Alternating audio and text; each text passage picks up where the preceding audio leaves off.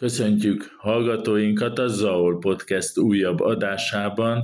Benedek Bálint vagyok, és ezúttal Bodó Tamás ül itt velem szemben, akiről annyit érdemes tudni, hogy bár most homokomáromban lakik, de nem innen indult. Mesél arról, hogy honnan. Üdvözöllek és üdvözölöm a hallgatókat is. Én budapesti gyütpent vagyok. Budapest mellett Dunakeszén nőttem föl, de Budapesthez köt minden, ott tanultam, kupálottam, az iskoláimat ott jártam ki, és amit nem bánok fiatalként ott felnőni nekem az egy bizonyos szempontból előny volt, mert ott töményen értek mindenféle rendezvények, programok, egyebek, aminek én szorgalmas részvevője voltam, a Fradi meccsektől kezdve a rock koncertekig, és Hát én igazából színházkezelő is vagyok, sok darabot megnézhettem, tehát mondhatom, hogy ifjúságom elég színesen sikeredett.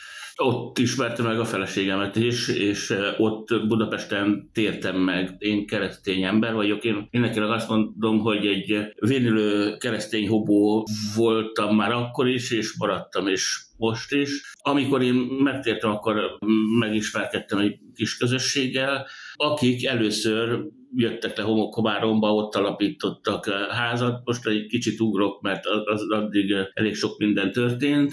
Ez a nyolc boldogság közösség, és eh, én addig életemben Zalába se jártam még, és hozzájuk stoppogatunk mindig le, elég sűrűn, és megtetszett a környék, nekünk nem volt semmink. Tehát amikor megházasodtunk, egyik szülőnknek se volt annyi pénze, hogy minket segítsen, tehát gyakorlatilag a sok mínuszból kellett egy életteret így felépíteni magunknak, nem bántuk meg. Szóval ott Zalába született mint az öt gyermekem, ami Pesten elképzelhetetlen lenne a hetedik emeleten, a kilencedik kerületben laktam, Budapestből egyedül a Ferencváros sajnáltam ott hagyni, mert rányírta az erkélyem a stadionra, de hát valamit valamiért. Én mondhatom, hogy Zalába a csodálatos embereket ismertem meg, rengeteget segítettek. Kezdetben, mert én a krumplit nem tudtam megkülönböztetni a paradicsomtól se, tehát ami egy alapvetés, főleg itt Zalában. Jó, hogy ezeket mondod, és azért te azért itt homokomáromban úgy tudom otthonra is találtál. Igen, igen, először hosszú völgybe költöztünk egy, egy végtelenségig lepusztult házba, arra volt pénzünk, és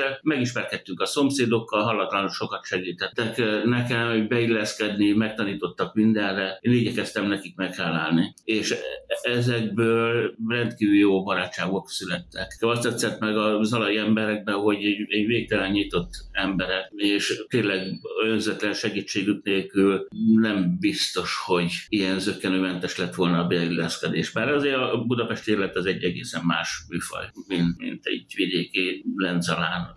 És említetted ezt a megtérést, azért erről, erre térjünk vissza, hogy ez mit jelentett az életben. Egy fordulópontot igazából.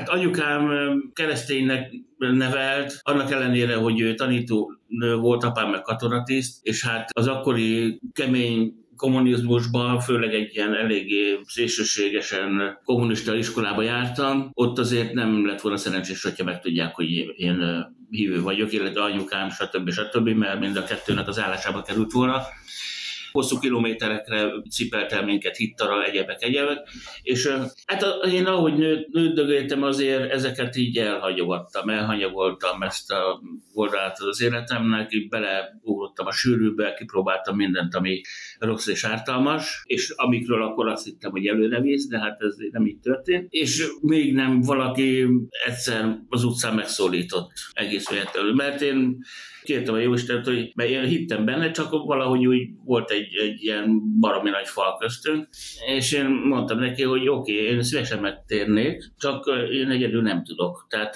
mégis valamit csinálj, én itt vagyok, és akkor művel, és akkor jött oda egy fiatalember, azt hittem, hogy Jehova tanul, akkor az 80-as évek közepén még minden harmadik ember Jehova tanulja volt, és hát volt időm, csarogtam, mondtam, hogy jó van, lögve Dumád, és akkor itt búcsúzunk, és akkor ez, ő egészen másról kezdett el beszélni, és mondta, hogy van egy ilyen kis közösség Budapesten, hogyha van kedvem, akkor menjek el oda. Hát mondom, jó. És érdekes volt, el, el is mentem, és leges alkalommal baromi rosszul éreztem magam, ott alig vártam, hogy vége legyen, mert mert ez egészen más, mint egy rocker becsöppen egy, egy mosolygós, vidám társaságba, ahol mindenki gitározgat, mosolgat, jó pofizik, meg mit tudom, meg csak így néztem, hogy, hogy mit akarnak ezek, és ahhoz képest valamiért a következő alkalommal is vissza kellett mennem. Nem értem miért, és onnantól kezdve egy alkalomra nem hiányoztam, és ott nagyon közeli Isten élményem volt az, hogy tényleg megszabadultam azoktól a kötelékektől, amik addig nem engedtek tovább lépni. Kivett a depressziómból, rengeteg mindent köszönhetek neki. Hát ez a kis közösség lett akkor a nyolc boldogság közösség később. Na, térjünk vissza Homokomáromba, illetve azt mondtad Fűzvölgyre, mert ott kezdődött minden. Hosszú völgy, igen. Vagy hosszú völgyre, mert ez azért a hallgatók kedvére ez, ott ez, ez a Fűzvölgy, hosszú völgy, homokomárom, ez ott egy, egy közösség szinte. Igen, szinte, de már rivalizálnak egymással. Nyilván, nyilván két vagy három külön település, de akkor térjünk vissza ide, és akkor mesélj arról, hogy ez a beilleszkedés aztán olyan jól sikerült, hogy te még Homokomáron polgármestere is lettél. Igen, ráadásul úgy, hogy te, én, én nem hittem. Tehát végül is igazából én jobban voltam mindenkivel. Meg, meg tényleg, a, akinek kellett, ott a Tamás, akkor hívjuk és akkor csináljuk. Pedig én nem vagyok ilyen gyakorlatos ember, de hát úgy oda tettem magam, aztán lett valami meg valahogy. És 98-ban költöztem át Homokkomáromba, mert akkor már így elkezdtek születgetni a gyermekeim, akkor már harmadikkal volt állapotos a feleségem, hogyha jól számolom, igen, negyedikkel. Oké, okay, van, szóval megbocsátjuk ezt most neked. Igen, igen, és 98-ban költöztem át Hokkomáromba, mert az nagyobb ház volt, mert akkor volt már egy kis pénzünk, hozzá tudtunk tenni, és tényleg egy életebb körülmények közé kerültünk. Esélyben megválasztottak a polgármesternek. A szomszéd község ráadásul, tehát a Hokkomárom, amikor ott még nagyon új voltam, jó, új voltam, ismertek már ott is, mert azért tényleg az átjárhatóság azért ott meg volt mindig. Később, 2006-ban választottak meg polgármesternek, és hát tíz évig az voltam. Magamtól mondtam le, amikor már úgy éreztem, hogy nem tudok hozzátenni a közösség fejlődéséhez. Milyen volt ez az egy évtized polgármesterként? Mit tudtál elérni? Uh, hát nagyon nehéz volt, mert egy ilyen közel 8 milliós adóssággal vettem át a vezetést. Nagyon nehéz idők voltak, a korábbi kormány végtelenségig illezőlesztette az önkormányzatokat anyagilag, és hát ez tartotta az én regnálásom alatt is egy jó darabig, de hát hála Istennek megtörtént a kormányváltás, és az nagy segítséget nyújtott az önkormányzatoknak, így nekünk is, de mi is teljesen így visszavágtuk minden kiadásunkat, a elromlott gázkazánunkat se engedtem megjavítani, és inkább betettünk egy vaskályát az önkormányzat épületébe, de tényleg annyira végtelen, hogy volt, mikor saját tankoltam a falubuszba, mert, mert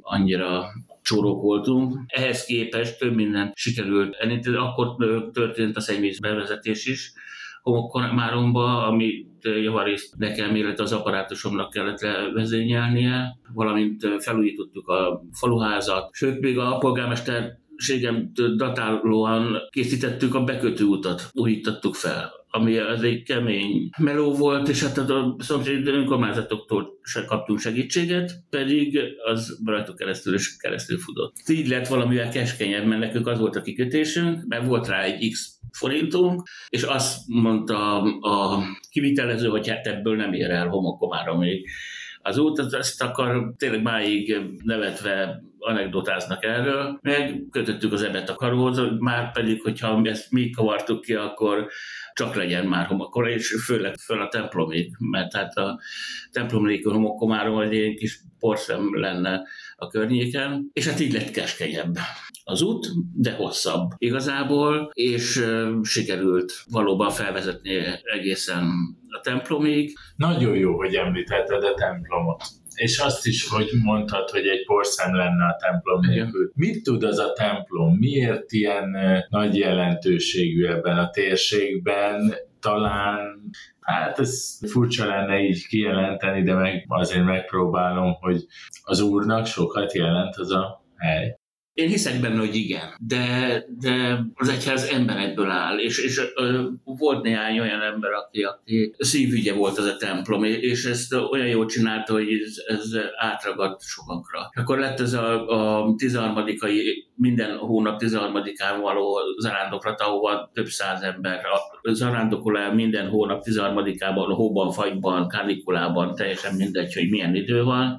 És nekem több helyről érkező barátomat fölvittem oda, ismerősemet, nagyon sokan voltak fönn, és ők maguk jegyezték meg, hogy annak a helynek valamilyen különleges atmoszférája van, ami, ami nyugtatólag hat rájuk. Tehát, hogy nem tudják megmagyarázni, de tényleg van egy ilyen különleges atmoszféra, ami megfogja őket, és, és talán ebből is adódik, gondolom, hogyha ezt ők érezték annélkül, hogy én bármivel próbáltam őket befolyásolni, akkor ez sokakban megragadható változott. Neked erősödött a hited homokomáromban? Feltétlenül. Mondhatom, hogy a kegyhelynek is köszönhető, de mivel mi a, a nyolcmondokság közösség miatt költöztünk le elsősorban Zalába, mi úgy éreztük, hogy nekünk nem belépni kell abba a közösségbe, hanem, hanem a közvetlen közelükbe élni nekünk. Szóval a feleségemmel így éreztük, hogy, hogy ez a hivatásunk. Tehát én, én úgy hiszem, és azt is hiszem, hogy, hogy az ottani híveknek, illetve a messzi földről érkező érkező híveknek is sok-sok pluszot jelent ez a homokomáromi atmoszféra, ha már ezt a szót használtam. Kicsit most visszakanyarodok Igen. még homokomáromi polgármesterségethez. Egyszer voltam egy olyan rendezvényen, ahol te mindenféle állatot mutattál be a gyerekeknek, volt szamár, de volt azt hiszem kígyó is, szóval volt, foglalkoztál egy ilyen dologgal, és erős mesével ez olyan érdekes. Igen, már csak, már csak azért is, mert Zalában minden állat, aminek nincs lába, az vipera. Ezt így megtapasztaltam, és én kicsi koromtól kezdve szerettem az állatokat. A bátyám mai napig képez ki állatokat a filmstúdiónak, olyan különböző mutatványokra, mászkodik, stb. stb. Panába kezdtük. Az anyukám nem tudom, hogy hogy viselt el, mert ő utálja az ilyen féle állatokat, de ő azt mondta, hogy inkább állatok a foglalkozzunk, mint hogy diszkóba járjunk, és akkor, és akkor ez volt a kompromisszum. És hát ez megmaradt Zalába is nálam. Legelőször egy pap barátomtól kaptam egy bébi kígyót. Igazából nem kígyó volt, hanem sikló, egy gabona sikló, és hát feleségem annyira nem neki, csak úgy jöttem el otthonról, megdomáltam egyik fiamat, hogy ezt ő kapja a szülinapjára.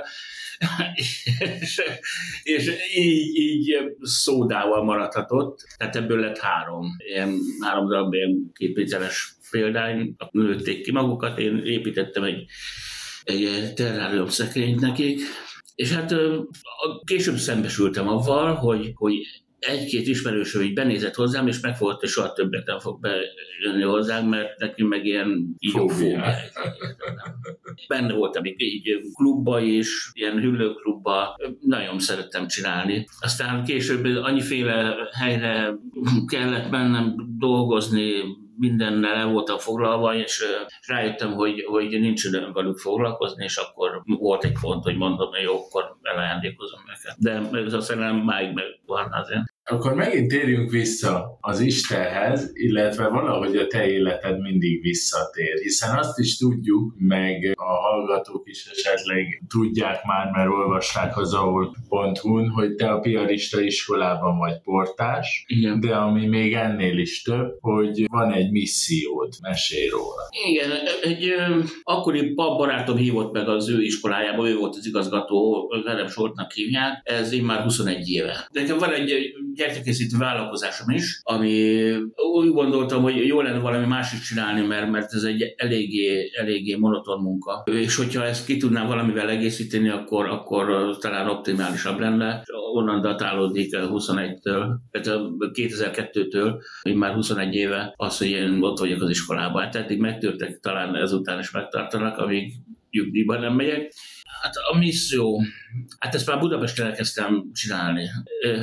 Volt egy, akkor egy barátom, aki a külügyminisztériummal dolgozott, és hívott, hogy menjünk ki Erdélybe. Ez még a Ceausescu idején volt, mert neki ott voltak olyan orvos barátai, és ott olyan hihetetlen szegénység volt, hogyha vittem én kórházban van egy halálos beteg, és az ő volt halálos betegben nem volt gyógyszer. És hogyha kiviszünk neki gyógyszert, akkor életben marad. És akkor elindultunk, és volt, mikor egy héten háromszor mentünk ki. Itt megtaláltuk a forrásokat, és ott már tudtuk, hogy milyen gyógyszert kinek hova kell leadni, elsősorban ennek az altató orvosnak, mert neki voltak a megfelelő kapcsolatai, illetve az egyházi számára ott is működött, mert ott a bibliák tiltólistán voltak. Magyarul WC papírt gyártottak belőle, ami tudtam is akkor bizonyítani, mert mutattak olyan WC papírt, ami elég kezdetlegesen volt újra hasznosítva, hogy így mondjam, és akkor ott a Bibliából több sor így megmaradt a WC papírokon is. Tehát Bibliát és gyógyszert csempésztünk akkor. És akkor elvitte katonának, és röviddel utána le is költöztünk ide, tehát egy, egy, néhány év kimaradt, illetve hát a helyi szegényekkel már akkor, akkor foglalkoztam, és attól függetlenül, hogy nekem se volt sok, tehát a lehetőségeimhez képest próbáltam neki segíteni, de szóval ez nálam ez nem egy, nem tartom ezt, ezt ilyen fantasztikus nagy erénynek, én ezt láttam otthon, mert anyukám tanárnő volt, ráadásul ő volt a ilyen ifjúságvédelmi is, és sokszor volt, hogy hogy nálunk lakott egy gyerek, vagy egy család, aki éppen a alkoholista apától menekült valahova, hogy agyon verje őket, tehát ez valahol a agyateljel szívtam magamba. Szóval nekem ez egy ilyen abszolút teljesen természetes dolog volt már akkor is, és most is az. Hát a polgármesterségem alatt is működött ez, hogy itt a helyeknek így próbáltam segíteni, amit hát sokan nem néztek jó szemmel. De hogy találtál rá Kárpátalján ezekre a szegényekre, mert az Erdélytől azért egy kicsit. Igen, hát Erdélyben nagyjából így konszolidálódott a helyzet a Ceausescu idő után. Igaz, hogy azért nem volt nekik se egyszerű, de de, de, de nem az a, szinten voltak már. És ugyanez a barátom megkeresett, hogy mi lenne, ha kimennénk Ukrajnába, illetve Kárpátaljára, mert ott hihetetlen nagy bajok vannak. Ez még jóval a háború előtt volt, pontosan 2015-ben. Én már akkor fotóztam, és nekem az első indítatásban az volt, hogy jó, hát menjünk, legalább csinálok jó kis fotókat. Meg hát amúgy is érdekelt ez a szoció téma. Kiventünk, és elmentünk egy olyan beregszáz mellett egy olyan táborba, amit csak filmeken lehet látni, vagy még azokon sem. Tehát hogy olyan, olyan mély szegénységben lévő telepen jártunk, ami, amit azért hosszú-hosszú hetekig, hónapig tartott feldolgozni. Készítettem jó néhány fotót is róluk.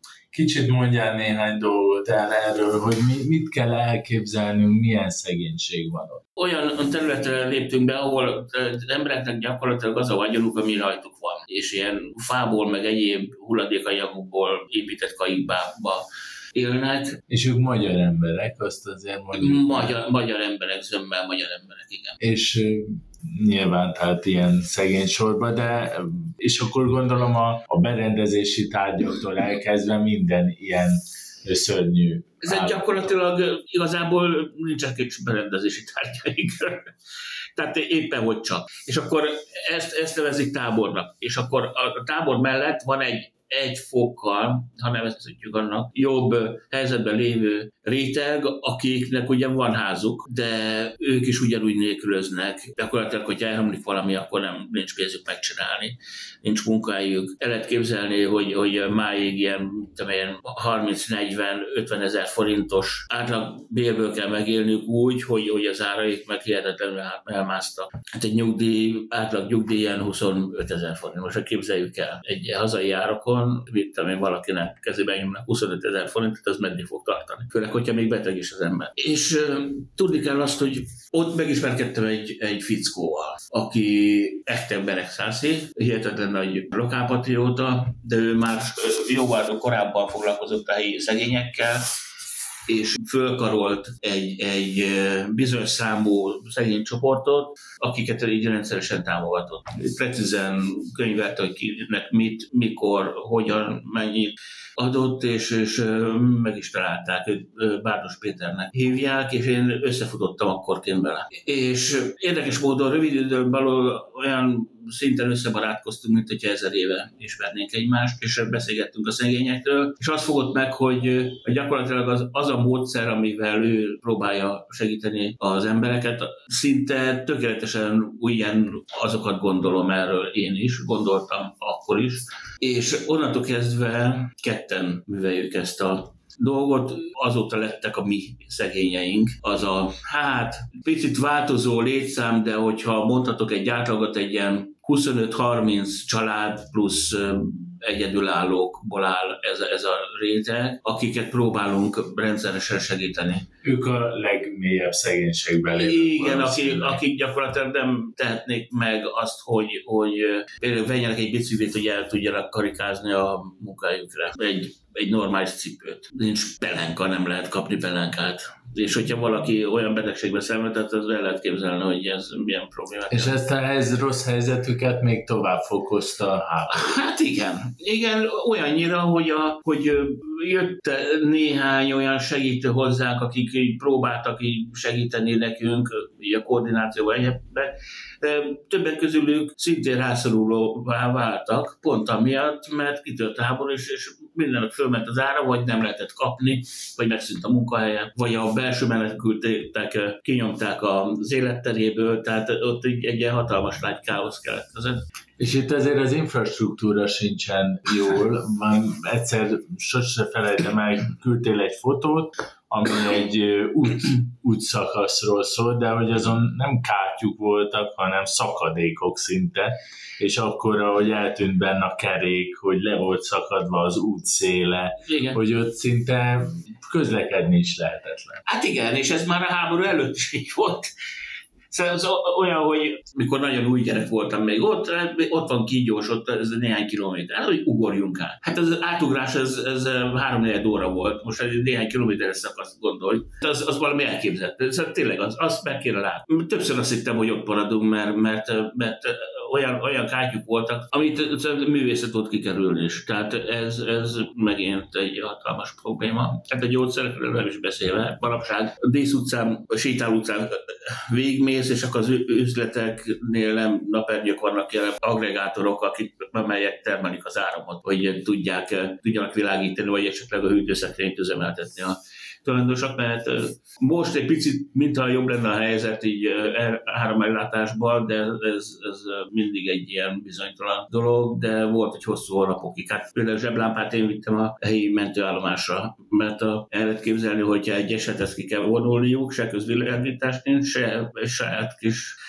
zseblámpa, amivel, mit tudom én, egy balesetet szenvedett, tehát vagy én, akármilyen akut betegségben szenvedő embert ellássanak. Szóval nagyon nehéz körülmények vannak, de ti itt egy nagy kiterjedt összefogásnak hála, és egy csomó segét vittetek, meg visztek, meg még most is van folyamatban ilyen út. Neked ez nagy erő, sok mindent fel kell dolgoznod, mégis bírod, mi hajt? Ez hajt nyilván, hogy segíts, de nagyon sokakat meg tudsz győzni a segítségről. Ami, ami máig csodálkozom. Tehát minden egyes alkalommal így több millió forintos értéket tudok átvinni. Van egy jóságos vállalkozó barátom, aki minden egyes alkalommal kiköt csőzi nekem a környék legnagyobb ter autóját, amit én még tudok vezetni. Tehát ez egy ilyen három és fél tonnás dolgozós autó, és olyan csoda dolgokat tudok kivinni, amik én soha nem gondoltam volna, hogy, hogy bennem megbízik ennyi